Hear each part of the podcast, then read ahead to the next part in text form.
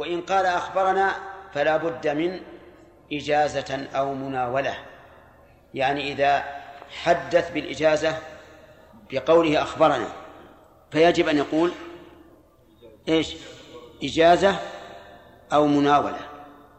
لأنه إذا سمع الناس كلمة أخبرنا ظنوا أنه حدثها حدثه بها مشافهة. ومعلوم أن الحديث مشافهة أعلى من الحديث إجازة. وحكي عن أبي حنيفة وأبي, وأبي يوسف منع الرواية بهما أي بالإجازة والمناولة. لكن المؤلف ذكر هذا عنهما بصيغة التمريض حكي. وصيغة التمريض أصلها ضعيف. ثم إذا ثبتت عن أبي حنيفة وأبي يوسف رحمهم الله فقولهما في ذلك ضعيف. لأننا لو منعنا الرواية بالإجازة والمناولة لمنعنا كثيرا من الكتب الصحيحة المروية لأن كثيرا من الكتب في في المتأخرين رويت إيش؟ بالإجازة. فالصواب صحة الرواية بالإجازة والمناولة والمناولة نوع من الإجازة. قال ولا تجوز الرواية بقوله خذ هذا الكتاب. أو هو سماعي بدون إذنه فيهما. صحيح. لو قال لك الشيخ يا فلان خذ هذا الكتاب. أخذته. وإذا هو مرويات شيخك هل يجوز أن تحدث به عنه؟ يقول المؤلف لا. لأنه من الجائز أن يكون أعطاه إياه على سبيل أنه وديعة لا أنه يحدث به. فإذا حدث به كان مفتريا على الشيخ. أفهمتم يا جماعة؟ أنا عندي الآن كتاب البخاري. رويته عن شيخي إلى إلى البخاري. فأعطيت أحد التلميذ أحد التلاميذ قلت هذا البخاري ضعه عندك. فهل يجوز لهذا التلميذ أن يحدث عني بواحد من من الأحاديث التي في هذه النسخة؟ لا لأن ذلك افتيات علي. وكذلك أيضا لو قال هذا سماع بأن سأله التلاميذ وقالوا يا شيخ هل لك سماع؟ يعني هل سمعت كتبا؟ قال نعم هذا السماع. فقال أحد التلاميذ أعطني إياه أقرأه. قال خذ. هل يجوز أن يروي عنه؟ لا لأنه لا بد من الإذن. ولا ولا كذلك بدون إذن فيهما ولا وجوده بخطه يعني لو وجد بخط شيخه الذي يعرفه كما يعرف شيخه. حدثنا فلان عن فلان عن فلان إلى انتهاء السند فإنه لا يجوز أن يرويه عن شيخه حتى وإن كان بخطه. لكن هل يجوز أن يشهد بأن هذا خط شيخه؟ أجيب. نعم يجوز. أما أن يرويه عنه كمسند فلا يجوز. بل يقول وجدت كذا. وجدت كذا. يعني وجدت بخط شيخي حدثنا فلان قال حدثني فلان إلى آخره. لأنه صادق. ثم يقول ومتى وجد سماعه بخط يوثق به وغلب على ظنه أنه سمعه جاز له روايته. وإن وإن لم يذكره خلافا لأبي حنيفة. يعني متى وجد سماعه أي سماع شيخه بخط يوثق به وكان قد أذن له أن يروي عنه ما سمعه لأن هذا الإطلاق لا بد أن يقيد بما سبق أنه أذن له أن يروي عنه سماعه. وغلب على ظنه أنه سمعه جاز له روايته وإن لم يذكره يعني وإن لم يذكر هذا الخط خلافا لأبي حنيفة فإنه قال لا يجوز وإن كان بخط يوثق به. لأن الخط قد يقلد. كثير من الناس يستطيع أن يقلد الخطوط حتى إذا كتب فكأنما كتب فكأنما كتب الأول. كما أن بعض الناس أيضا يقلد الأصوات. بعض الناس يقلد الأصوات حتى إذا تكلم تقول هذا فلان. لا تشك فيه. ولهذا كانت شهادة الأعمى فيها نقص. لأن الأعمى يشهد بإيش؟ بالصوت. والصوت قد يختلف قد يشتبه. وإن نعم وإن شك فلا. فإن أنكر الشيخ الحديث وقال لا أذكره لم يقدح. الآن التلميذ يحدث عن شيخه. يقول حدثني شيخي عن فلان عن فلان عن فلان إلى آخره. فقال الشيخ ما حدثت التلميذ ثقة والشيخ ينكر فهل نأخذ بقول التلميذ أو نأخذ بإنكار الشيخ؟ بقول التلميذ لأنه قد ينسى ولهذا إذا قال لا أذكره لم يقدح ذلك في الرواية. ولهذا بعض الناس يقول حدثني فلان عني حدثني فلان عني وهو كان قد قد نسي. نعم. ومنع الكرخي منه. أي من الرواية فيما إذا أنكر الشيخ والصواب أنه إذا كان التلميذ ثقة فإن الحديث يثبت. ولو زاد ثقة فيه أي في المروي لفظا أو معنى قبلت ولهذا يقولون زيادة الثقة مقبولة إلا أنه يشترط أن لا تكون منافية لمن هو أوثق منه.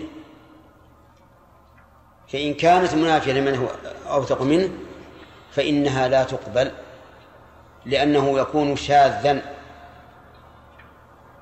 انتبه لهذا.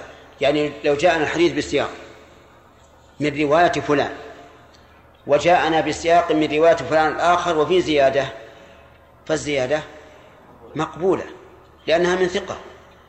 وكما أننا نقبل حديث الثقة استقلالا فإننا نقبله تبعا ولا إشكال. إلا إذا كانت هذه الزيادة منافية لمن هو أوثق فلا نقبل الزيادة. ونحكم عليها بأنها شاذة. طيب لو خالف الثقة من هو أكثر منه عددا بزيادة لا تنافي المزيد. تقبل أو لا؟ تقبل. يعني لو روى هذا الحديث عن الشيخ خمسة ورواه واحد عن الشيخ وزاد فيه وهو ثقة فإننا نقبل الزيادة. ما دامت لا تنافي الموجود فإننا نقبلها. وقال بعض العلماء لا نقبلها. لأنه كيف يكون خمسة؟ رووا عن الشيخ هذا الحديث بلفظ ثم يأتي واحد ويرويه زائدا. ونقول هذا الجواب على هذا سهل. الجواب عن هذا سهل. وهو أنه ربما يكون هذا الشيخ حدثهم في مجلسين. فذكر الزيادة في مجلس ونسيها في مجلس آخر. ثانيا ربما كان المجلس واحدا. لكن تغافل الخمسة و وحضر قلب السادس الذي خالفهم ربما يكون ما دامت الزيادة لا تنافي المزيد آه، الناقص يعني. وفصل بعضهم وقال إذا كان الحديث من الأذكار المشروعة وزاد فيه الثقة فإنه لا يقبل.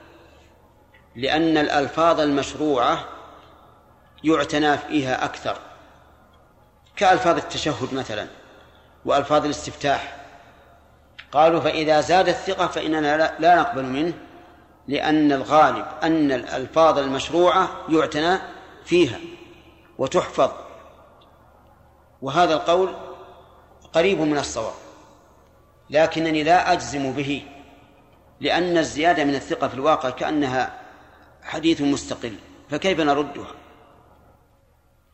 نعم ربما نقول إنه لا يمكننا أن نبطل اللفظ الذي اتفق عليه الخمسة لعدم الزيادة فيه لأن الزيادة هنا مشكوك فيها لكننا لا نمنع مشروعيتها. مثل لو أن أحد الرواة رووا لا إله إلا الله وحده لا شريك له له الملك وله الحمد وهو على كل شيء قدير بهذا اللفظ. ورواه السادس لا إله إلا الله وحده لا شريك له له الملك وله الحمد يحيي ويميت وهو على كل شيء قدير. الزيادة يحيي ويميت. هل نقبلها لأنه ثقة أو لا نقبلها لأن هذا ذكر مشروع؟ يبعد جدا أن أن يتصرف فيه الرواة. فنقول اجتمع عندنا خمسة وخالفهم السادس يحذف. ويؤخذ برواية الخمسة. هذا كما قلت لكم قريب لكننا لا لكنني لا أستطيع الجزم به. وأقول في هذه الحال لو زاد الذاكر يحيي ويميت لم يكن عليه بأس. لأن الذي زادها إيش؟ ثقة. فأقل الاحوال أن نجعلها كحديث مستقل. أما لو كان الزائد غير ثقة بأن يكون معروفا بالتسرع أو معروفا بعدم بعدم التأني مثلا وهو التسرع فهنا لا نقبلها. بينما لو روى غير غير شيئا غير في غير هذه الصورة قبلناه لأن لأن كونه يأتي بزيادة مع كون خمسة من الناس خالفوه وهو معروف بالتسرع يدل على أنه غير ضابط لهذه الزيادة. يقول ولو زاد ثقة فيه لفظا أو معنى قبلت فإن اتحد المجلس فالأكثر عند أبي الخطاب. آه، فإن اتحد المجلس فالأكثر يعني قدم الأكثر عند أبي الخطاب. وهذه مسألتنا التي نحن مثلنا بها. تبقى الآن. نقول خمسة رووا الحديث بدون زيادة. واحد رواه بزيادة والمجلس واحد. فما هو الحكم عند أبي الخطاب؟ إلغاء الزيادة أو أو إثباتها. إلغاء الزيادة اعتبارا بالأكثر. لكن إطلاق بإطلاق الأكثر فيه نظر. لأن هذا يشمل فيما لو رواه ثلاثة بدون زيادة واثنان بزيادة مع كونهما أي الاثنان أي, أي الاثنين أقوى في الحفظ من الثلاثة. في هذه الحال ما نقدم الأكثر. أليس كذلك؟ ولو قال ولو قيل إن اتحد المجلس قدم الأرجح إما في زيادة العدد وإما في زيادة الثقة والحفظ. لو قيل بهذا لكان له وجه. على أن على أن الأمر كما قلت لكم ليس بذاك الشيء القوي. أما إذا اختلف المجلس فلا شك أننا نقبل الزيادة لاحتمال أن يكون الشيخ نسي أن يحدث بالزيادة مع الآخرين وذكر مع الواحد قال والمثبت مع التساوي في العدد والحفظ والضبط على إيه؟ على من؟ على النافي يعني إذا روى الحديث جماعة إثباتا ورواه جماعة نفيا والعدد متساوي والحفظ متساوي والضبط متساوي فالمثبت مقدم. لماذا؟ لأن معه زيادة علم. لأن معه زيادة علم. وهذا واضح. لكن بشرط أن لا يكون المثبت أن لا يكون النافي. قد ذكر النفي على سبيل الإثبات لأنه أحيانا يكون النفي بمعنى الإثبات. مثال ذلك قال ابن عمر رضي الله عنهما كان النبي صلى الله عليه وسلم يرفع يديه إلى حذو منكبيه إذا كبر للصلاة وإذا كبر للركوع وإذا رفع رأسه من الركوع وكان لا يفعل ذلك في السجود. فنفى أن يكون فاعلا. هذا النفي بمنزلة الإثبات لأن ابن عمر الآن يحكي شيئا رآه. فرأى النبي صلى الله عليه وسلم يرفع في ثلاث مواضع ونفى أن يكون يرفع في الموضع الرابع. فهذا النفي بمنزلة الإثبات لأنه متتبع للصورة كاملة. فإذا جاء حديث أقل ثقة من هذا الحديث وقال كان يكبر كلما خفض وكلما رفع. ماذا نعم؟ كان نعم. كان يرفع يديه قصدي. كان يرفع يديه كلما خفض وكلما رفع. نحكم على هذه الزيادة بأنها شاذة. فإذا قال قائل المثبت مقدم على النافي فهذا أثبت أنه يرفع يديه كلما خفض قام أو كلما خفض سجد أو ركع وكلما رفع. قلنا لكنها رواية شاذة. لأن نفي ابن عمر في هذا قائم مقام إيش؟ الإثبات. لأنه يشاهد الصورة يرفع في كذا ولا يرفع في كذا.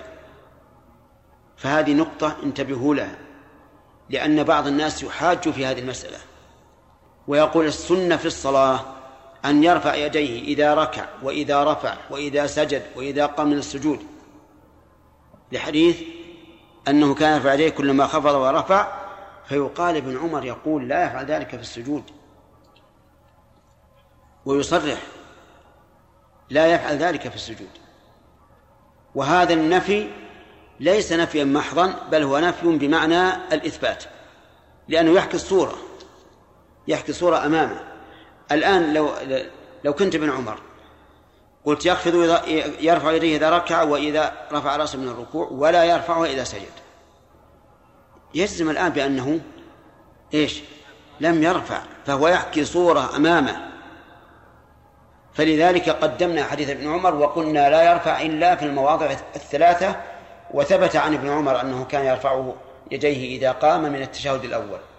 فيكون رفع اليدين في الصلاة في أربعة مواضع. عند تكبيرة الإحرام عند الركوع عند الرفع منه عند القيام من التشهد الأول وما عدا ذلك فإنه لا رفع فيه.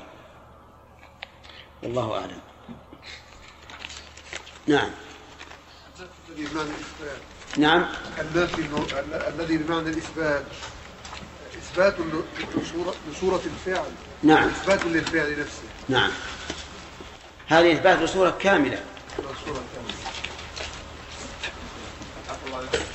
نعم تفضل لو قيل أن ليس بينهما منافاه وأن النبي صلى الله عليه وسلم يفعل هذا أحيانا ويفعل هذا أحيانا. إي نعم. هذا أيضا ليس بصواب. لأن ابن عمر يقول كان لا يفعل ولم يقيد. واذا وإذا كان لا يفعل ولم يقيد فهو في كل وقت. لأنه يتعارض مع الحديث الآخر يقول كان يرفع يديه كلما خف. فإذا قلنا كان وكان تعارضتا.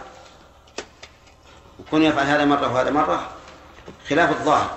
مثل قول النبي الجمعة كان يقرأ بسبح وكان يقرأ أي يفعل هذا يفعل هذا. وكلها فيها. أي نعم. الجمعة بينهما فرق أولا أن الحديثين متساويان في الجمعة بخلاف هذا. هذا في الصحيحين وذاك في السنن فهو أضعف مرتبة. وثانيا أن أنه لا يمكن أن يجمع في القراءة بين سبح والجمعة أبدا. لا بد أن يكون هذا في وقت وهذا في وقت آخر. أما حديث ابن عمر فيمكن الجمع بينهما بمعنى أن أن الذين قالوا كان يفعل كذا وكذا يعني في كل صلاته. وابن عمر كان لا يفعل ذلك في السجود في كل صلاته. حينئذ لا بد أن نقدم حديث ابن عمر. اصبر اصبر اصبر. صفحة كم؟ نعم. قال القاضي روايتان. ولا يتعين لفظه بل يجوز بالمعنى لعالم بمقتضيات الألفاظ عند الجمهور. فيبدل اللفظ فيبدل اللفظ يبدل يبدل. فيبدل اللفظ بمرادفه لا بغيره. ومنع, ومنع منه بعض المحدثين مطلقا. والمراسيل بسم الله الرحمن الرحيم.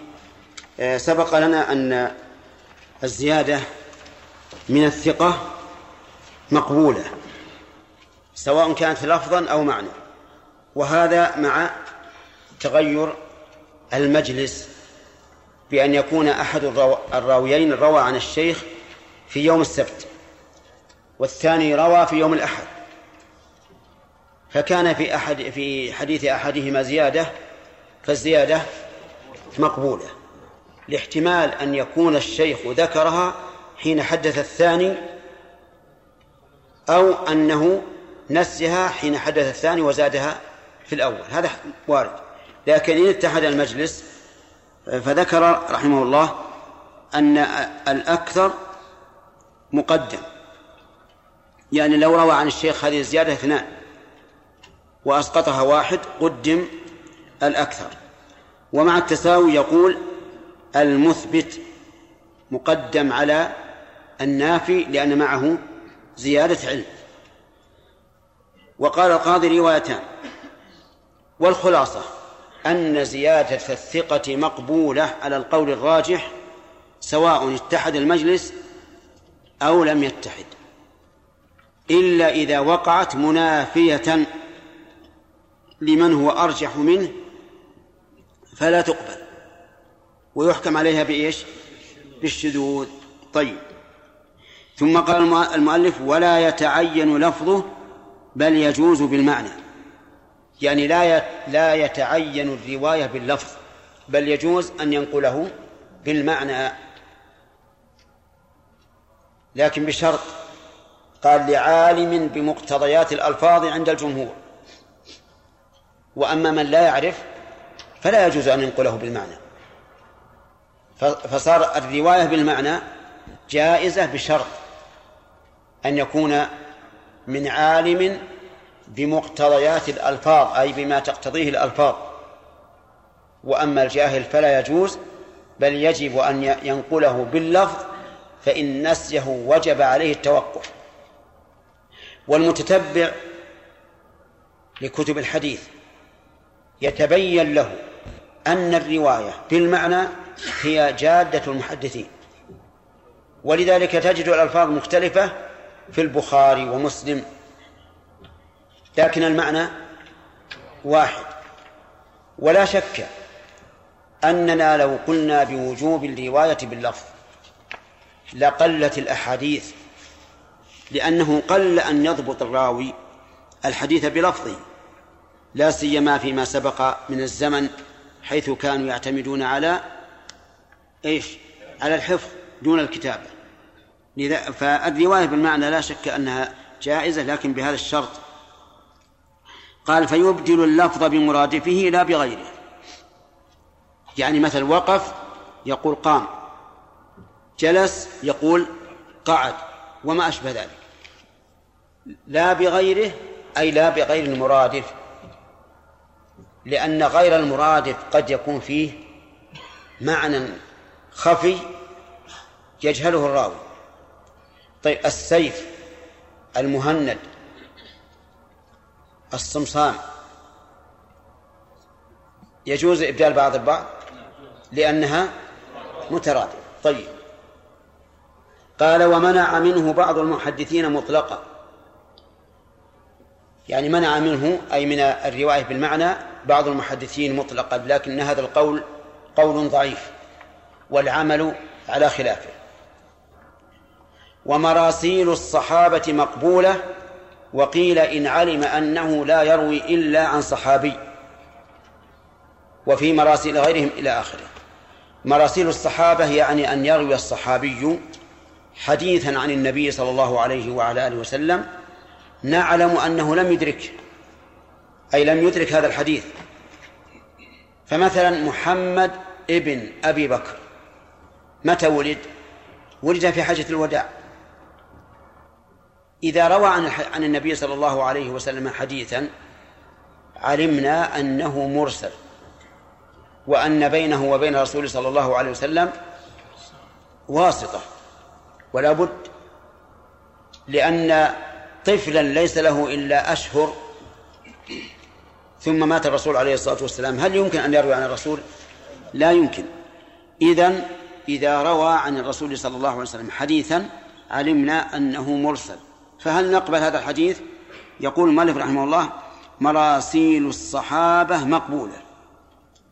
وقيل إن علم أنه لا يروي إلا عن صحابي يعني قبل وإلا فلا. انتبه لهذا الشرط. هذا الشرط قوي قوي من حيث النظر.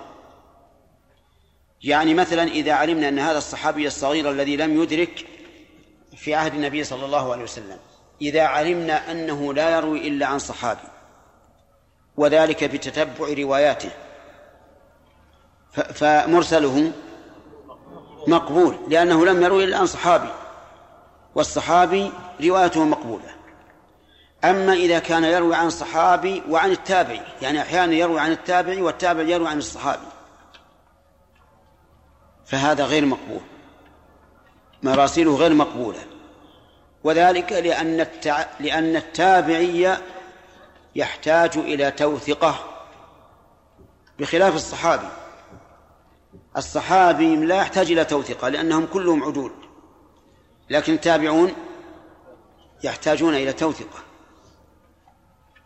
أفهمتم أو لا؟ ما هو مرسل الصحابي؟ هو ما رواه النبي صلى الله عليه وسلم ونعلم أنه لم يأخذ عنه مباشرة. لصغر سنه. مثلنا بمن؟ محمد ابن أبي بكر الذي ولد في حجة الوداع.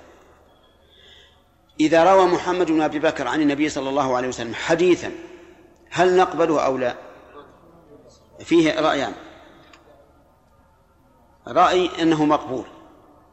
والرأي الثاني غير مقبول إلا إذا علمنا أنه لا يروي إلا عن صحابي. فمثلا إذا كان محمد بن بكر بن أبي بكر رضي الله عنهما بالتتبع لأحاديث وجدنا أنه رواها عن صحابي. فمراسيله مقبولة. إذا رأينا أنه ينقل عن التابع عن الصحابي عن النبي صلى الله عليه وسلم. فمراسيله غير مقبولة. لماذا؟ لجهالة التابعي والتابعي جهالته تضر والصحابي جهالته لا تضر. أفهمتم؟ هذا من حيث النظر قوي. يعني هذا القول الذي يقول بالتقييد من حيث النظر قوي جدا. لكن نظرا إلى أن الصحابي لا يمكن أن يجزم بالحديث عن الرسول عليه الصلاة والسلام إلا وقد رواه عن ثقة إما صحابي وإما تابعي ثقة. من هذه الناحية نرجح أن مراسيل الصحابة إيش؟ مقبولة بكل حال. مقبولة بكل حال والمسألة في الحقيقة تجاذبها أصلان أصل الصحابي أنه لا يروي إلا عن عن ثقة مأمون وأصل آخر وهو أن هذا الاحتمال بكونه رواه عن تابعي يوجب ضعف الرفع لأن التابعي قد يكون غير ثقة إما في دينه وإما في أمانته وإما في حفظه طيب. وفي مراسيل غيرهم روايتان القبول كمذهب أبي حنيفة وجماعة من المتكلمين اختارها القاضي والمنع وهو قول الشافعي وبعض المحدثين والظاهرية. مراسيل غيرهم يعني مثل أن يروي التابعي عن النبي صلى الله عليه وسلم حديثا. التابعي لم لم يدرك الرسول. كذا؟ رواه عن من؟ عن صحابي أو عن تابعي عن صحابي. أو عن تابعي عن تابعي عن صحابي. أليس كذلك؟ طيب. مراسيل غير الصحابة غير مقبولة. فيها خلاف. أبو حنيفة وجماعة يقولون مقبولة وآخرون يقولون غير مقبولة. والصحيح في هذا التفصيل إن علم من حال التابع أنه لا يروي إلا عن صحابي فما فما رسيله مقبولة. وإن شككنا فمراسيله غير مقبولة. يعني يتوقف فيها حتى نعلم من الساقط. هذا هو التفصيل الصحيح. فالحسن عن سمرة مقبول. ابن المسيب مراسيله مقبولة لأنها تتبعت فلم يوجد أنه يروي إلا عن صحابي وهو أبو هريرة فتكون مقبولة. فهذا التفصيل الذي ذكرنا إذا علمنا من حال التابعي أنه لا يروي إلا عن صحابي فمراسيله مقبولة. وإذا شككنا فمراسيله غير مقبولة لكن يتوقف فيها. كل هذا احتياطا لئلا ينسب إلى النبي صلى الله عليه وعلى آله وسلم ما لم يصدر منه. قال وخبر الواحد فيما تعم به البلوى مقبول خلافا لأكثر الحنفية إلى آخره. خبر الواحد إما أن يكون في أمر لا يحتاج الناس إلى نقله والتواتر و والتواتر فيه. فهذا لا شك أنه مقبول. إذا كان هذا الواحد ثقة. أما إذا كان مما تعم به البلوى وتتوافر الدواعي على نقله فهذا فيه خلاف. هل يقبل أو لا؟ مثال ذلك صحابي واحد انفرد بأن هذا الشيء ناقض للوضوء ولم يروه غيره. فهل يقبل أو لا يقبل؟ من العلماء من قال إنه يقبل لأنه ثقة. والشيء قد يخفى على كثير من الناس أو لا ينقلونه اعتبارا باشتهاره. وما دام هذا ثقة فإنه يقبل وهذا القول هو الصحيح. هذا القول لا شك أنه هو الصحيح. فإذا جاءنا شخص يروي عن الرسول عليه الصلاة والسلام أن هذا الشيء ناقض ولم يروه أحد غيره وهو ثقة وجب علينا أن نعمل به.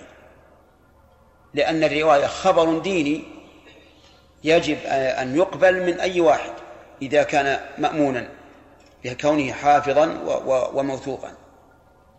وقال بعض أهل العلم إنه لا يقبل خبر الواحد لأن هذا مما تتوافر الدواعي على نقله وكونه لم ينقله إلا واحد يدل على أنه لا أصل له. وين الناس عنه؟ لكن هذا التعليل عليل في الواقع. إذ يمكن أن يدفع فيقال أليس هذا الرجل ثقة؟ وكونه لم ينقله غيره اعتمادا على استفاضته والعمل به فلا حاجة إلى نقله. فالصواب أن الخبر الواحد مقبول فيما تتوافر الدواعي على نقله وتعم به البلوى. نعم لو فرض أن الإنسان نقل عن شخص أنه فعل فعلا أو قال قولا في مكان يشاركه فيه كثير من الناس وهو أمر مستغرب لو وقع فهنا لا يقبل قوله. مثال ذلك رجل شهد على خطيب الجمعة.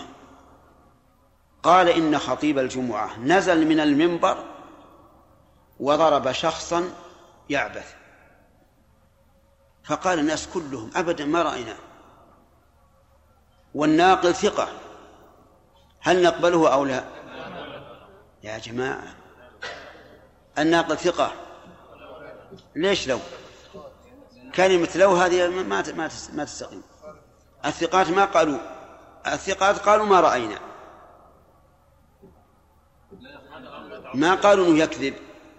قالوا والله ما رأينا. وهو يقول متأكد أن الخطيب نزل لرجل يعبث فضربه. نقول هذا لا يقبل. فإذا قال يا جماعة لماذا لا تقبلونني؟ يمكن كل اللي في المسجد ينعسون. نعم ماذا نقول؟ هذا بعيد. وبعد صدق كلامك أشد من بعد نومهم جميعا. فهذا لا يقبل. لأن مثل هذه الحالة الغريبة لا بد أن إيش؟ أن تنقل. ما هي هينة هذه؟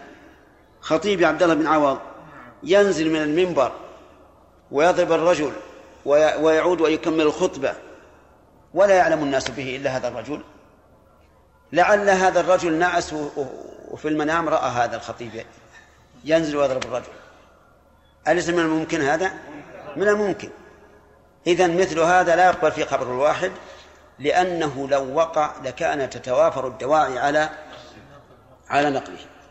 ومثل ذلك لو قال إن الخطيب قرأ آية سجدة. ونزل من المنبر وسجد. والناس يقول أبدا ما رأيناه ولا سمعناه. هل نقبله؟ لا. والخلاصة أن خبر الواحد فيما تتوافر الدواعي على نقله مقبول إلا في مثل هذه الصورة. طيب. يقول رحمه الله وش بعده؟ وفي حدود؟ أو وفي الحدود ما هي واضحة؟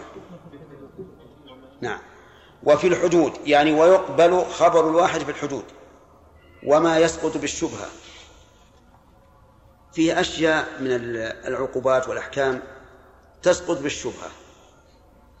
يعني بمعنى أنه لابد أن يتيقن وقوعها.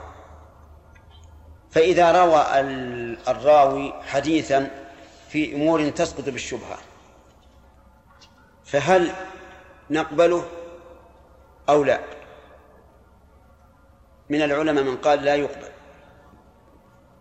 لأن خبر الواحد في أمر يسقط بالشبهة موجب للشبهة لأن الواحد قد قد يخطئ بنسيان أو عمد أو ما أشبه ذلك.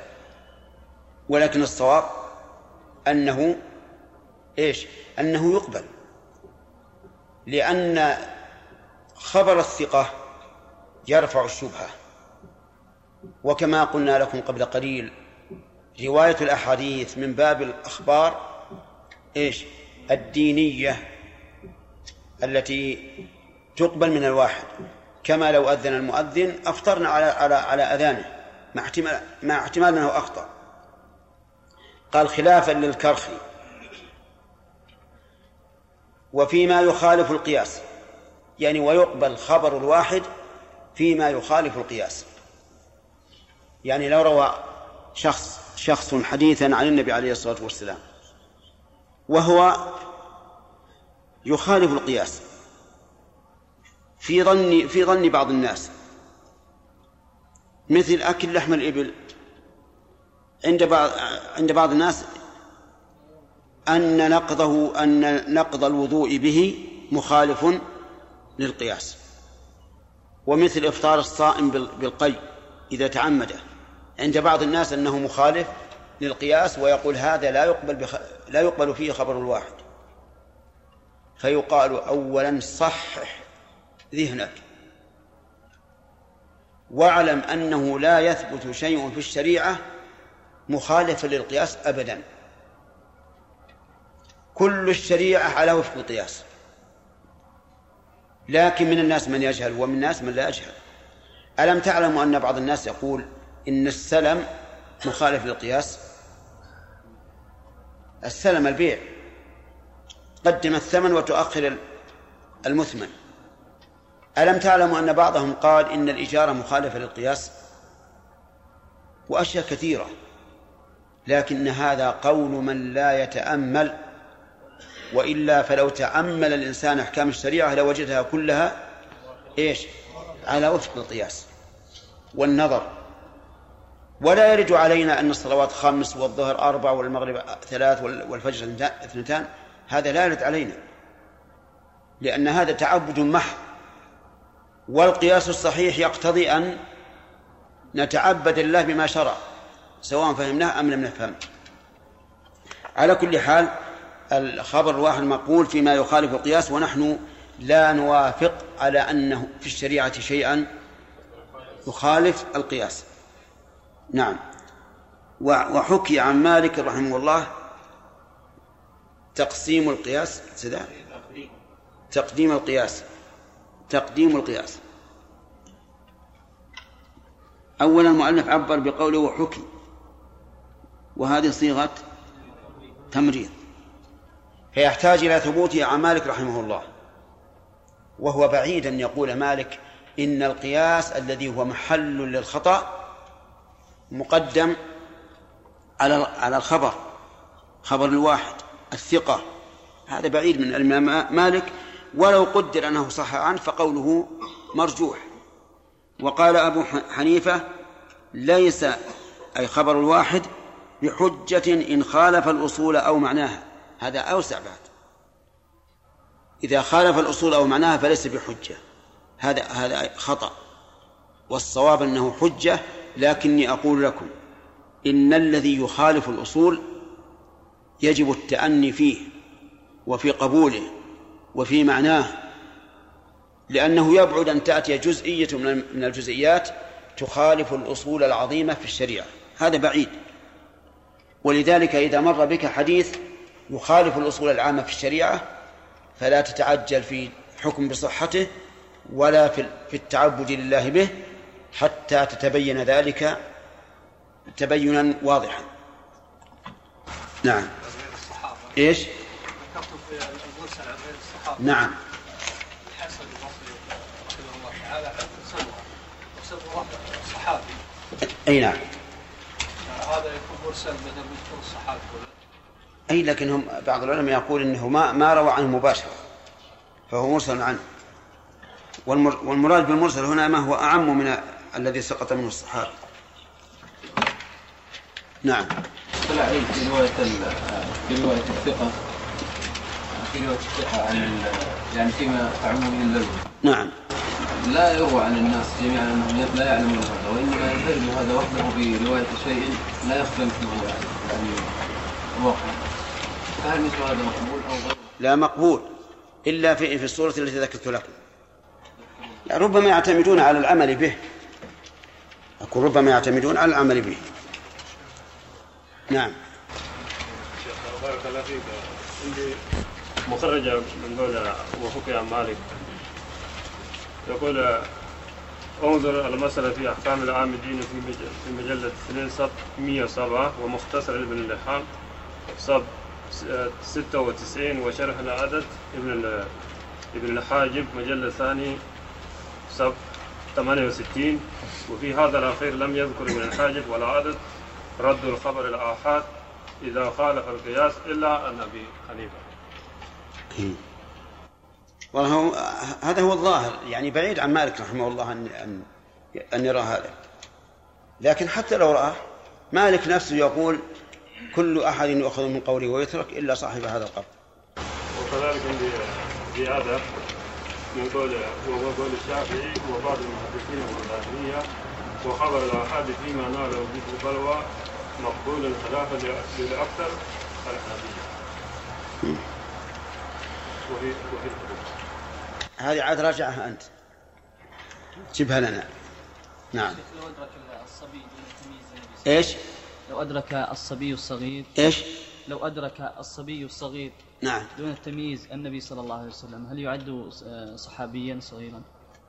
الصحابي وإن لم يدرك ما دام ابن صحابي فهو صحابي. يعني محمد بن بكر من الصحابة. وهو قطعا ما أدرك يعني ما أدرك ال- التمييز في عهد الرسول عليه الصلاة والسلام. نعم. أحمد. ها؟ أي التسميع. انتهى الوقت خمس دقائق. الواقع فلا دليل عليه عقلي ولا نقلي.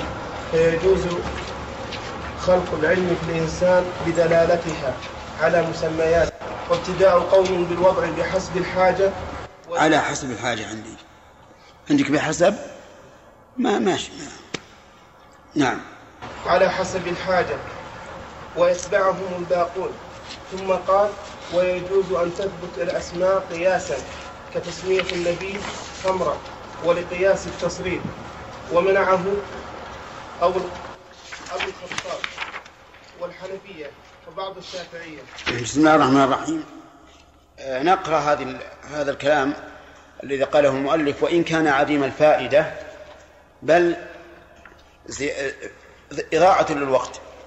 يقول ها هنا أبحاث يشترك فيها الكتاب يشترك بها أي فيها الكتاب والسنة من حيث إنها لفظية. أولا اللغات. اللغات التي نتخاطب بها. هل هي توقيفية أو هي قياسية؟ اصطلاحية. اختلف في هذا العلماء. بعضهم قال إنها توقيفية وأن أن الإنسان ما تعلم اللغات بالاصطلاح والقياس. ومنهم من قال إنها قياسية اصطلاحية. والصحيح في هذه المسألة أن أولها توقيفي. لقول الله تبارك وتعالى وعلم آدم الأسماء كلها ثم عرضهم على الملائكة فقال أنبئوني بأسماء هؤلاء إن كنتم صادقين. قالوا سبحانك لا علم لنا إلا ما علمتنا إنك أنت العليم الحكيم. ثم توسع الناس فيها. وصاروا يأتون بالكلمات التي ليست توقيفية بناء على الحاجة والضرورة. أما الذين قالوا إنها اصطلاحية قياسية فقالوا إن الإنسان أصله ما يعرف اللغة ولا يعرف ينطق لكن بدأ يسمع خرير الماء في الأنهار في, في, في الأمطار. يسمع صوت الرعد يسمع حفيف الرياح فصار يقلد يقلد هذه الأصوات. وهذا ضعيف. لأنه لو قلد هذه الأصوات لكان صوت الإنسان إيش؟ مثلها. مثل صوت الرعد مثل صوت خرير الماء مثل صوت حفيف الرياح وما أشبه ذلك. لكن هذا البحث لكن هذا البحث أصله إيش فيه من الفائدة؟ ليس فيه فائدة إطلاقا إلا ضياع الوقت والمجادلة والأخذ والرد نحن نقول الناس يتكلمون بالألفاظ التي بينهم ولهذا لو أتى الإنسان بلفظ غريب لاستنكره الناس ثم يأتون بألفاظ مركبة من حروف حسب الحاجة. حسب الحاجة يأتون بها. تجد مثلا الأشياء الجديدة يحدث الناس لها آه، أسماء. حسب الحاجة. لكن قد يكون موفقا وقد يكون غير موفق. وي- ويقال إن مجمع اللغة العربية أراد أن يعرب السندوشت تعرفونها؟ ها؟ معروف. فقال بدل السندوشت إيش؟ شاطر ومشطور وبينهما كامخ. هذا يحتاج إلى معرفة تركيبه قبل أن يعرف معناه. ولو قلت للصبي يا ولد هات شاطر ومشطور بينهما كامخ. ما يعرف إلا يكمخ رأسك. على كل حال قد تكون قد يكون الوضع صحيحا وقد يكون غير صحيح. وأنا أرى أن الألفاظ التي جاءت وإن لم تكن من من من غير العرب إذا سمي بها المسمى فلا بأس أن يسمى به. ويسمى هذا تعريبا. لكن أشياء معنوية هذه نختارها نحن بلغتنا. أما أسماء على مسمياتها هذه لا بأس. يعني مثلا لا بأس أن نقول تلفون. بدل هاتف. صحيح أن هاتف أقرب للغة العربية لكن ما دام سمي بهذا الاسم وورد إلينا بهذا الاسم ما في مانع. لا بأس أن نقول بيجر.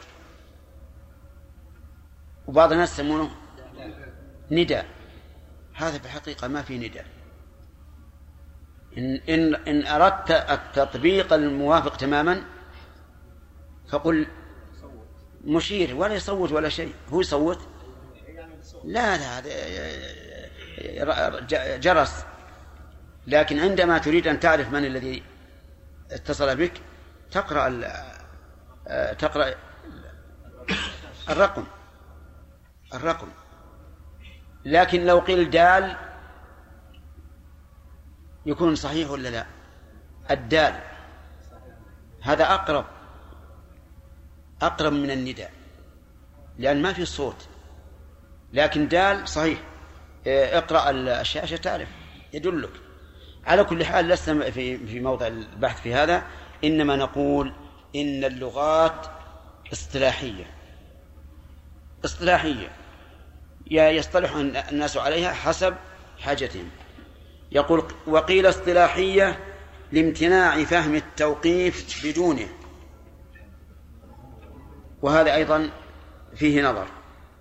وقال القاضي كلا القولين جائز في الجميع وفي البعض والبعض.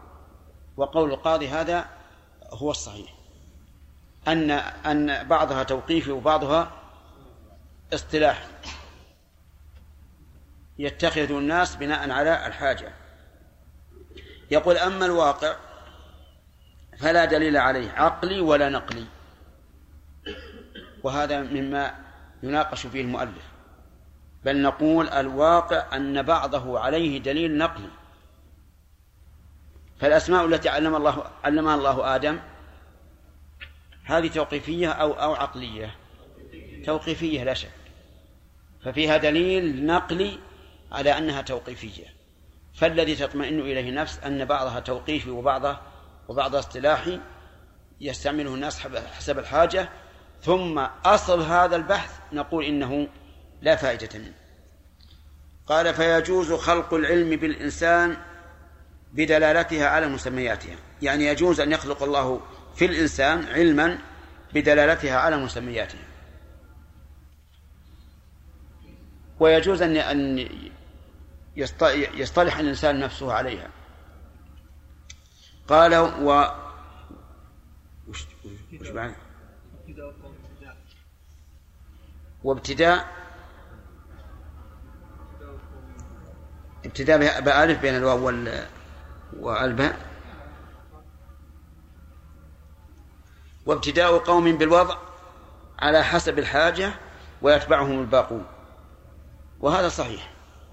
إنه يجوز آه، أن تكون المسميات أو الأسماء من إلهام الله عز وجل كمعرفتنا باسماء الملائكة جبريل ميكائيل وإسرافيل وما أشبه ذلك هذه ما هي ما هي من صنعنا ولا من اصطلاحنا بل هي من عند الله عز وجل.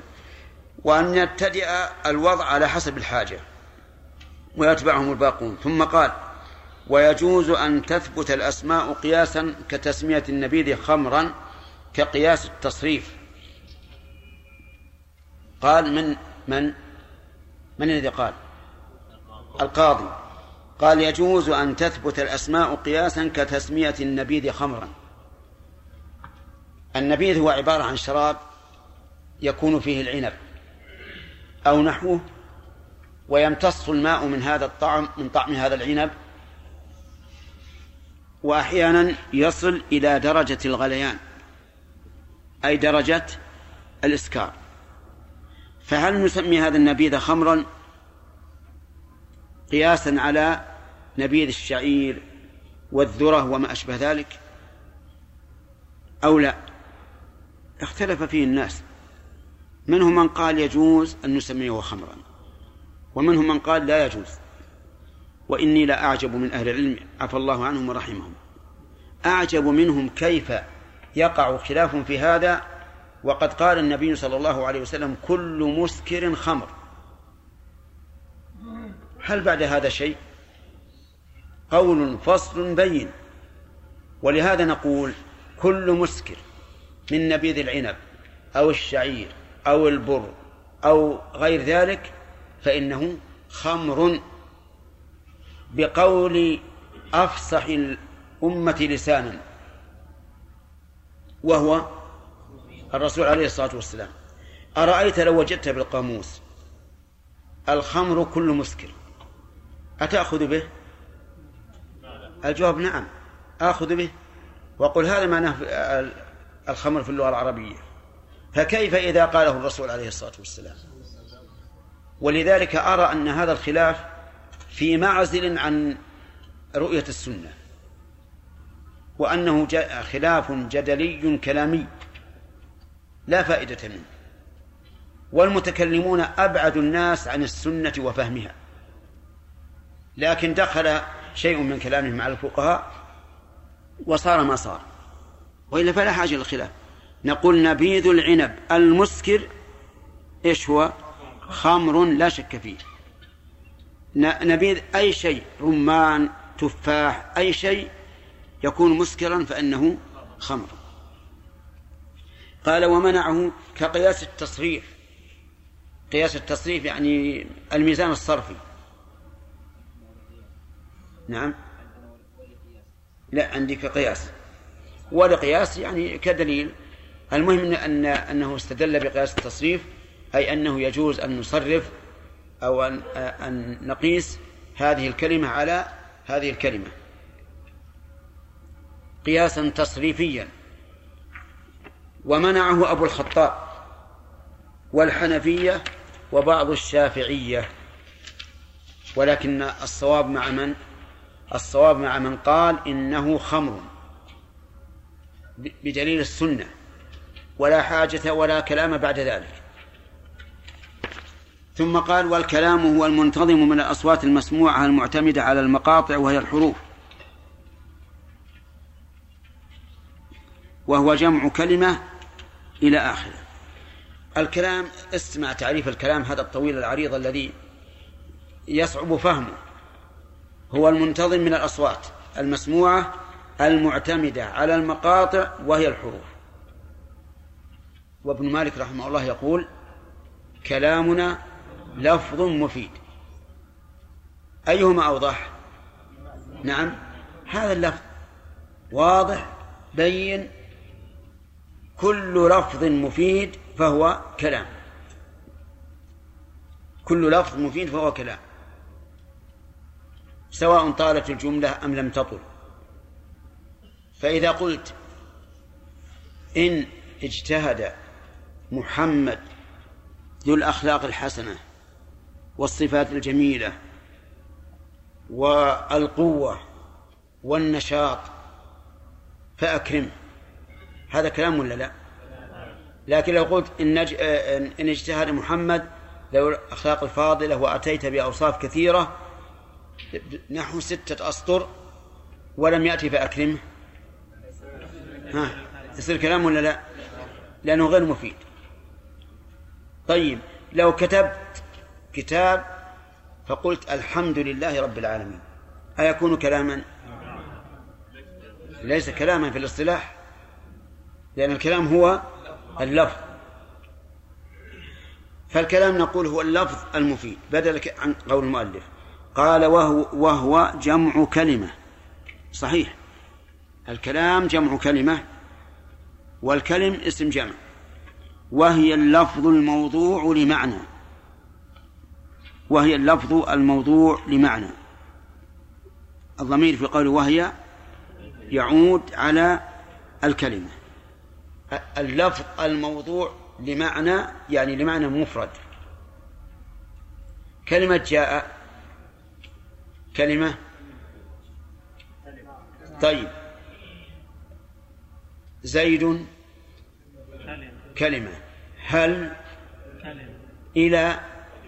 كلمة. لنا كلها آه، لفظ موضوع لمعنى فهي كلمة.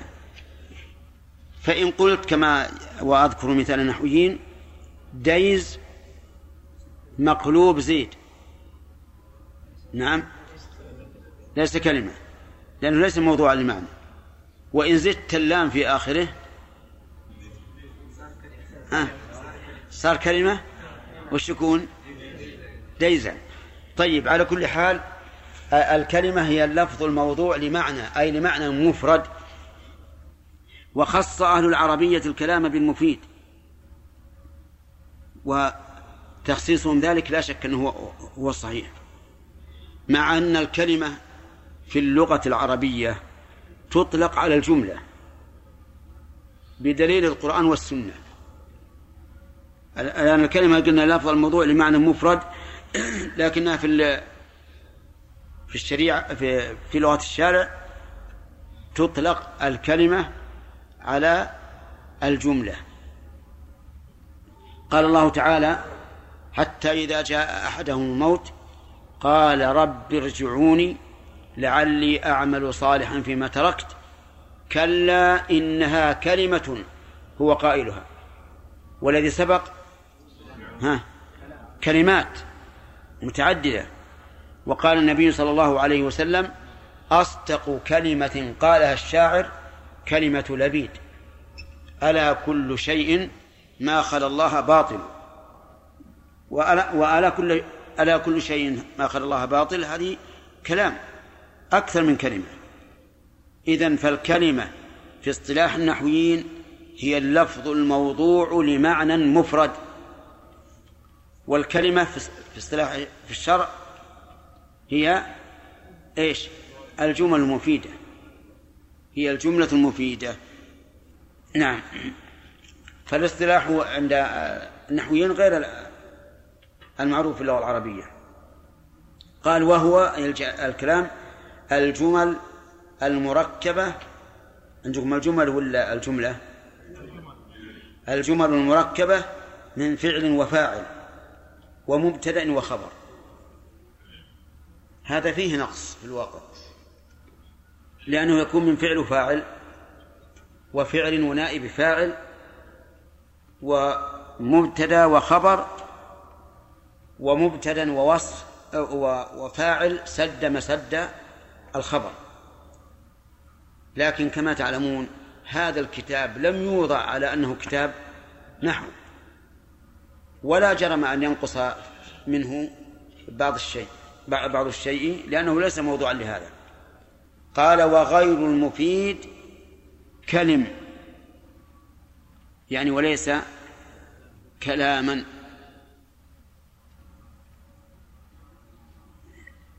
فإن استعمل في المعنى الموضوع له فهو حقيقة. وإن استعمل في غير ما وضع له فهو المجاز.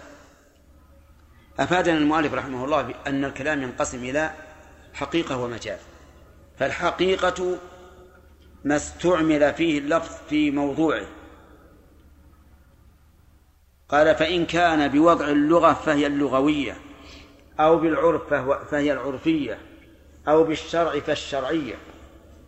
انتبه فالحقائق إذن ثلاث لغوية والثاني عرفية والثالث شرعية.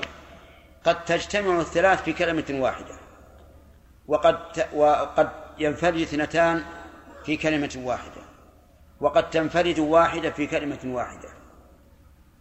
فالسماء والأرض حقيقة.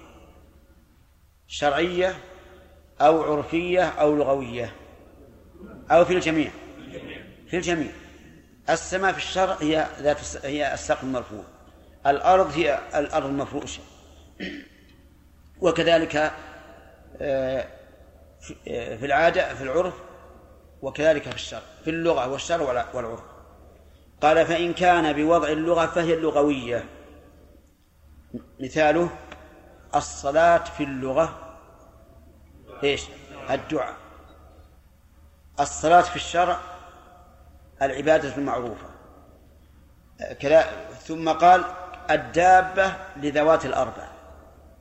الدابة في اللغة كل ما دب على الأرض أي درج عليها من ذوات الأربع وذوات الرجلين وذوات الأكثر من أربع كلها تسمى دابة. لكنها في العرف ذوات الأربع كالحمار مثلا. الحمار دابة البعير الفرس دابة. الدجاجة ليست في العرف دابة لكنها في اللغة دابة لأنها تدب على الأرض. الحية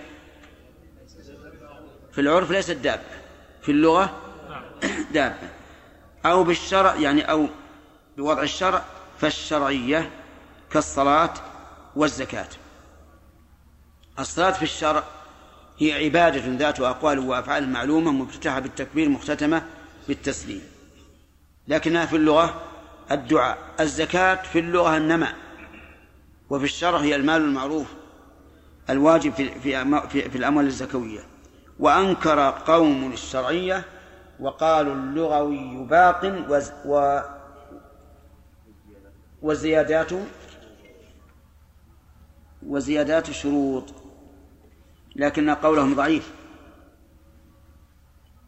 يعني مثلا يقول الصلاة في الشرع هي العبادة ذات الأقوال والأفعال لكن فيها أصل الدعاء فيها دعاء فهي إذن لغوية لكن زيد عليها قيود فصارت شرعية فيقال هذا قول ضعيف لأن أول ما يتبادر للإنسان عند ذكر الشارع الصلاة إيش؟ العبادة المعروفة. ولا ولا يخطر بباله أنها الدعاء ثم زيد عليها شروط ثم أنه ينتقض أحيانا يكون الشرع أوسع من اللغة. فالإيمان في اللغة التصديق أو الإقرار. لكن في الشرع قول اللسان وعمل الجوارح وعمل القلب فهو أعم وأوسع. فلذلك القول الراجح أن الحقيقة الشرعية ثابتة ولا وجه لإنكارها. نعم. يسأل وأنكر قوم الشرعية وقالوا باقي وقالوا اللغوي باقي لا صح. فإن استعملت المعنى الموضوع إلى هذا وقفنا على ذلك ولا لا؟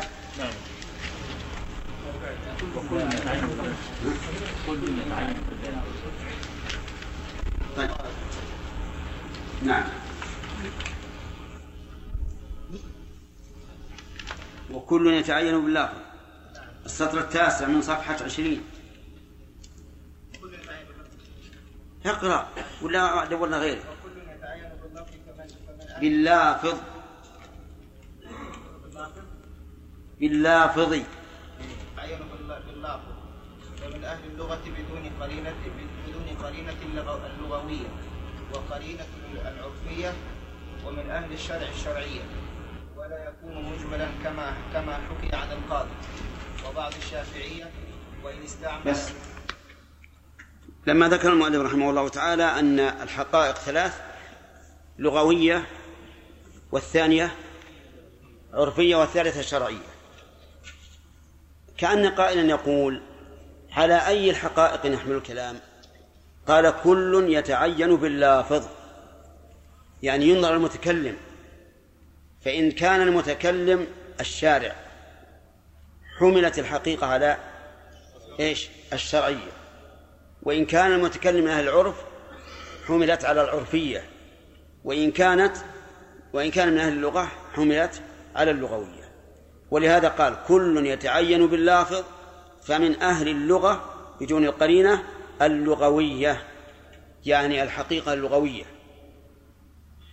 ومن أهل العرف وبقرينة العرف العرفية. ومن أهل الشرع الشرعية. واضح؟ طيب. قوله تعالى ولا تصلي على أحد منه مات أبدا. هل تحمل على اللغوية أو على الشرعية؟ طيب إذا حملناها على الشرعية كما قلتم وهو الظاهر قلنا الدعاء لهم جائز. وإذا حملناها على اللغوية قلنا الدعاء لهم غير جائز والصلاة عليهم غير جائز من باب أولى. فأيهما أولى؟ الأولى أن نحملها على اللغوية لتدخل, فيها الشرعية. لأنك لو حملتها على الشرعية جازت اللغوية ولو حملتها على اللغوية امتنعت اللغوية والشرعية. طيب. ولا يكون قال ولا يكون مجملا يعني أن الكلام إذا دار بين أن يكون حقيقة في اللغة العربية أو في الشرعية أو في العرفية فإنه يكون مجملا.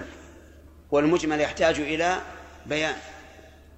والصحيح أنه ليس بمجمل لأننا ما دمنا قلنا إن تكلم به الشارع حم- حمل على على إيش؟ الشرعية. إذن واضح ما هو مجمل. وإن جاء في لسان العرب حمل على اللغوية. ما ما في إجمال. وإن جاء في لسان العرف حمل على العرفية. إذا ما في إجمال. الشاة آه مثال يعني الشاة الآن تحملها على إيش؟ ها؟ حسب المتكلم. إذا كان إذا كان المتكلم من أهل العرف ونعرف أنه ما عنده علم باللغة العربية ولا بالحقيقة الشرعية نحملها على إيش؟ العرفية. ما هي الشاة في العرف؟ أما عندنا في نجد فالشاة هي الأنثى من الضأن. ولا أدري عند أهل الجزائر. ها؟ أنثى المعز هي الشاة. وأنثى الضأن؟ نعجة طيب. وعند أهل مصر؟ مثلهم. إذا بيننا وبينكم بحر أحمر.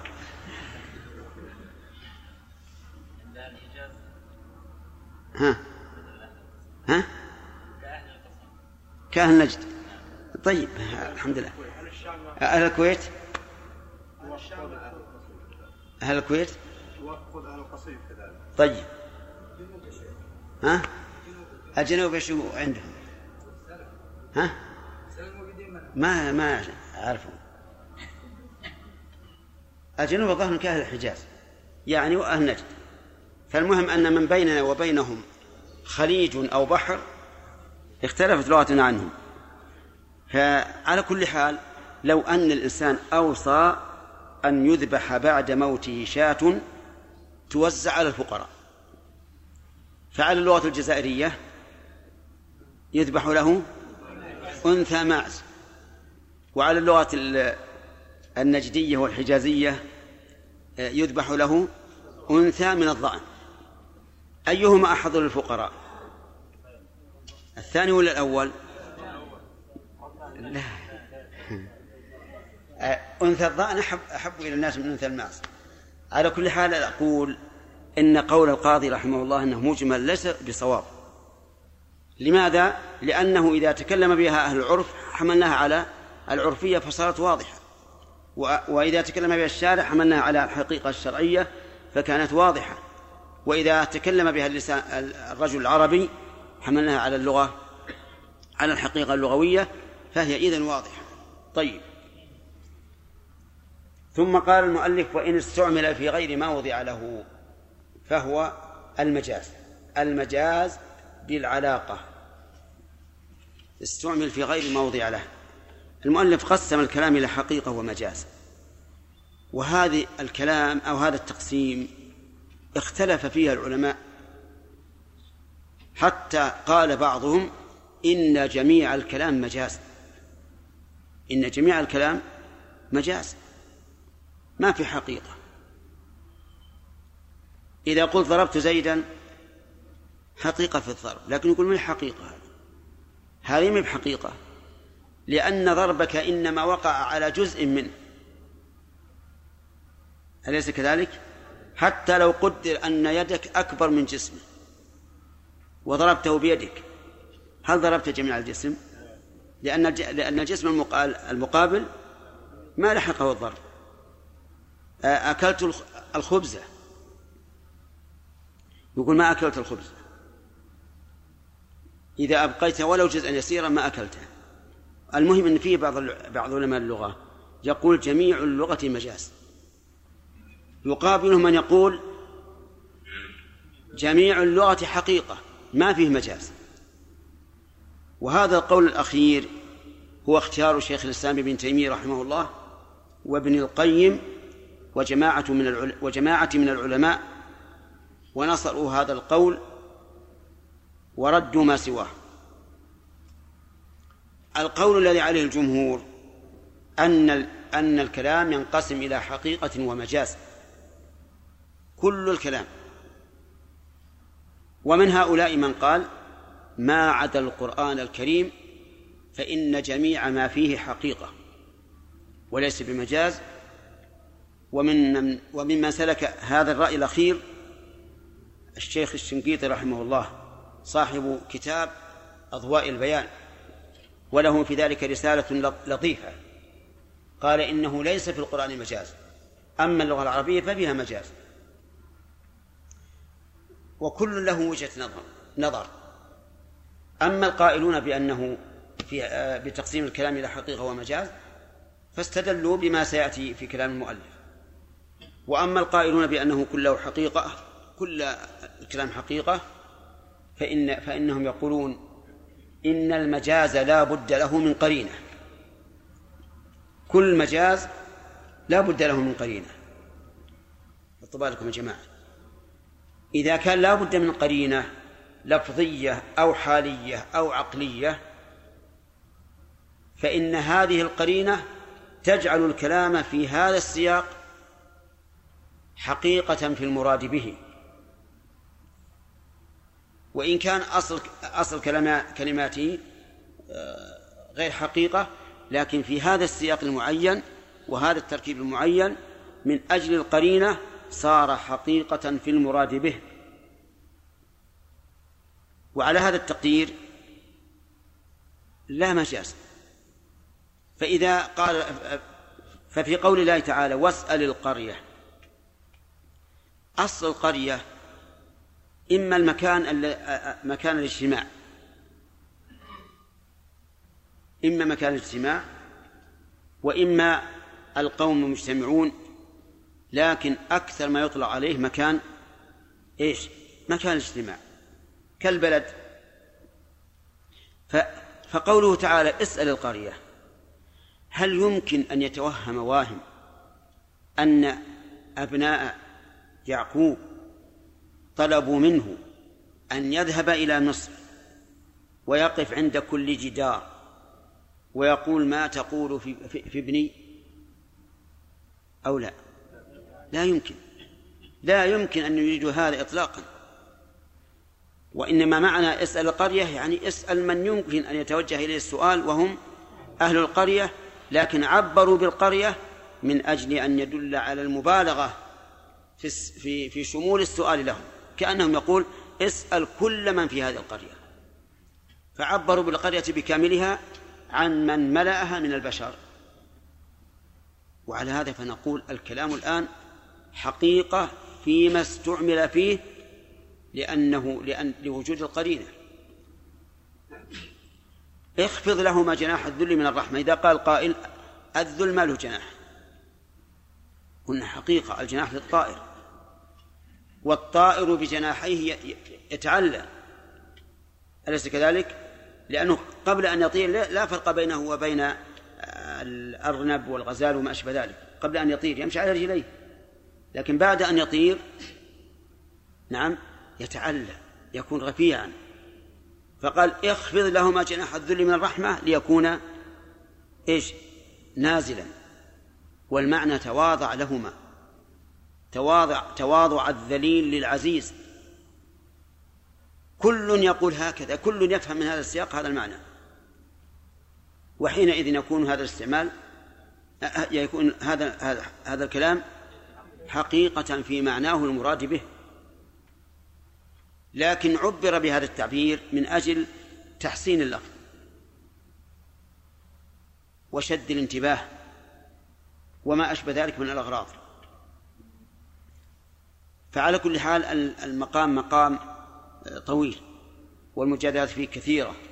ومن أراد الاستزادة من ذلك فليقرأ كتاب الإيمان لشيخ الإسلام ابن تيمية أو مختصر الصواعق المرسلة على غزو الجهمية والمعطلة. وهما كتابان مطبوعان معروفان. لكن إذا قال قائل لماذا لا, لا, لا نتابع الجمهور؟ ونقول هذا في الأصل مجاز وهو الآن حقيقة. نقول إذا إذا وصلنا إلى هذا الحد صار الخلاف لفظيا لا لا لا, معنى لكونه اختلافا. يقول المؤلف إن استعمل في غير ما وضع له فهو المجاز بالعلاقة. يعني لابد من علاقة تربط بين المعنى المجازي المنقول إليه وبين المعنى الحقيقي الأصلي المنقول عنه. لا بد من علاقة. العلاقة عاد إما أن تكون مشابهة أو غير أو غير مشابهة وسيتبين. فهو المجاز بالعلاقة. ألبى هنا للمصاحبة. يعني لا بد من علاقة بين إيش؟ بين المعنى المنقول منه والمعنى المنقول عنه. أما بدون علاقة فلا يصح.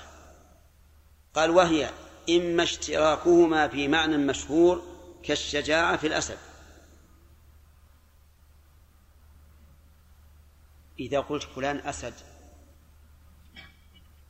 ثم قلت رأيت أسدا يحمل حقيبة إلى المسجد. وش معنى فلان أسد؟ أي شجاع. أي شجاع.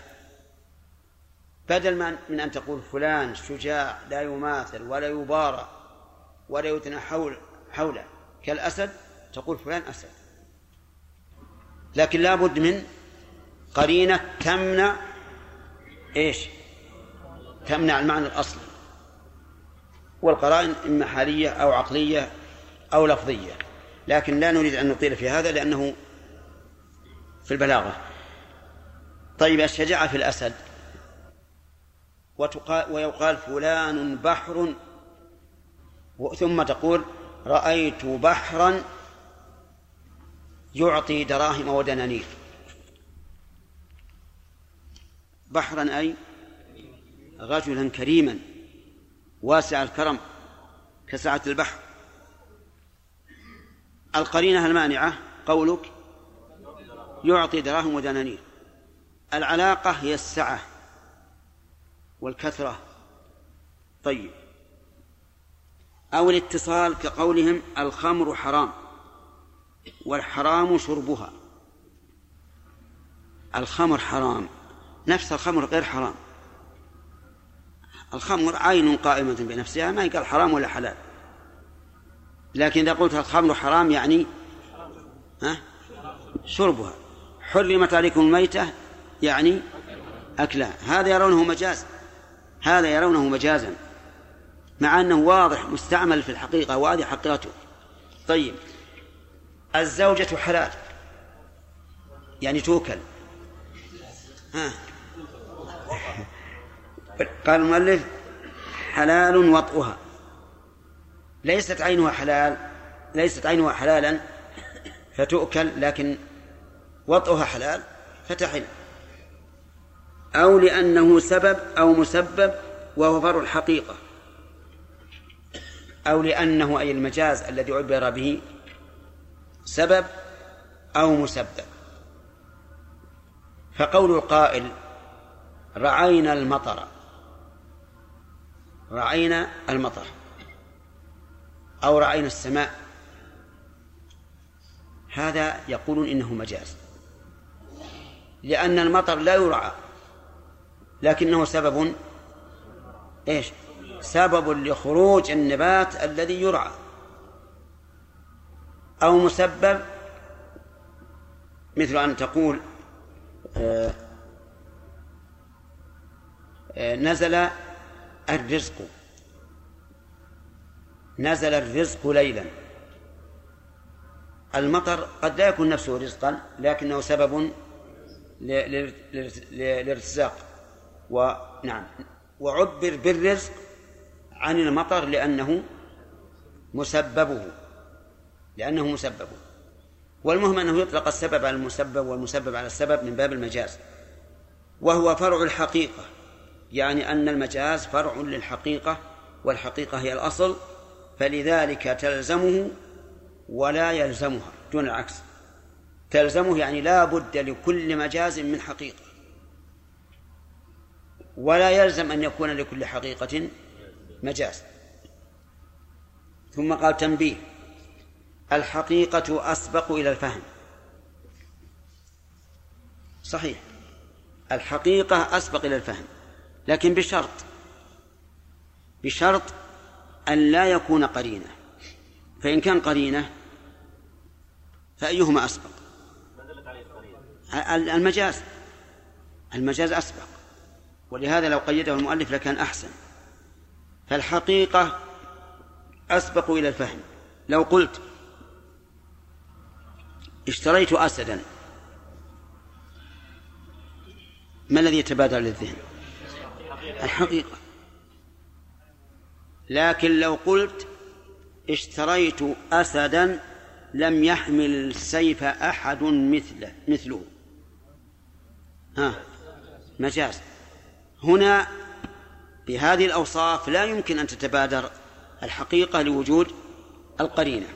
فقول المؤلف إن الحقيقة أسبق للفهم مقيد بما إذا لم يوجد قرينة فإن وجدت القرينة فالأسبق ما دلت عليه القرينة. ويصح الاشتقاق منه بخلاف المجاز.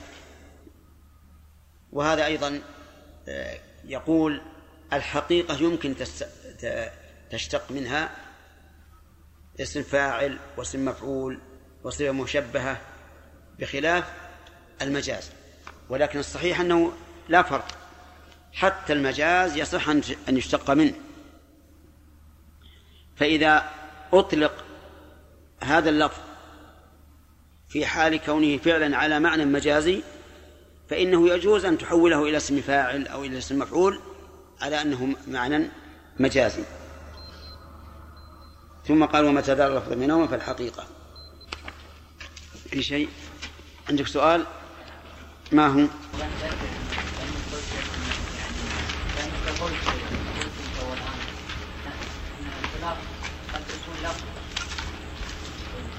الخلاف بين من يقول ان المجاز هناك مجاز و معنى المراد منه حقيقة. مع مع من يقول بأن كل كلام حقيقة. هل هذا خلاف لفظي؟ قد يكون لفظيا وقد يكون غير لفظي. فمثلا أهل البدع الذين أولوا آيات الصفات وقالوا إنها مجاز الخلاف معهم غير لفظ بل هو معنوي لأنهم, توصل لأنهم توصلوا بذلك إلى إنكار ما وصف الله به نفسه. فقالوا وجاء رب وجاء ربك المراد جاء أمر ربك وأنه عبر بالرب عن أمره لأنه ملازم أو ما أشبه ذلك مما يقولون. فهذا الخلاف معهم معنوي باتهم المجاز في اللغة. إيش؟ الجمهور. نعم. قائلون بأن المجاز ثابت في اللغة وغير ثابت في القرآن الكريم. شيخ لو لا أحد ما هو بالجمهور الجمهور يقول في اللغة وفي القرآن. طيب على قول الشنقيطي اختاره نعم. شيخ لو قيل له ما دام لغة القرآن الكريم اللغة العربية وهو قد نزل بها من أفصح ما يكون. نعم. فكيف تنفي يعني وقوع ال- الذين منعوا أن يكون في القرآن قالوا إن من علامة المجاز صحة نفيه من علامة المجاز صحة نفيه ولا شيء في القرآن يصح نفيه لكن هذا يعني ما هو إلا ذاك في القوة. لأنك إذا قلت رأيت أسدا يحمل حقيبته إلى المسجد يصح للمخاطب أن يقول أبدا هذا ليس بأسد. يصح. تجيبه أنت بأنه ليس أسدا حقيقيا لكنه كالأسد في الشجاعة. وينتهي الموضوع. وهذا يصدق على ما جاء في القرآن. نعم. اسمع. سمع.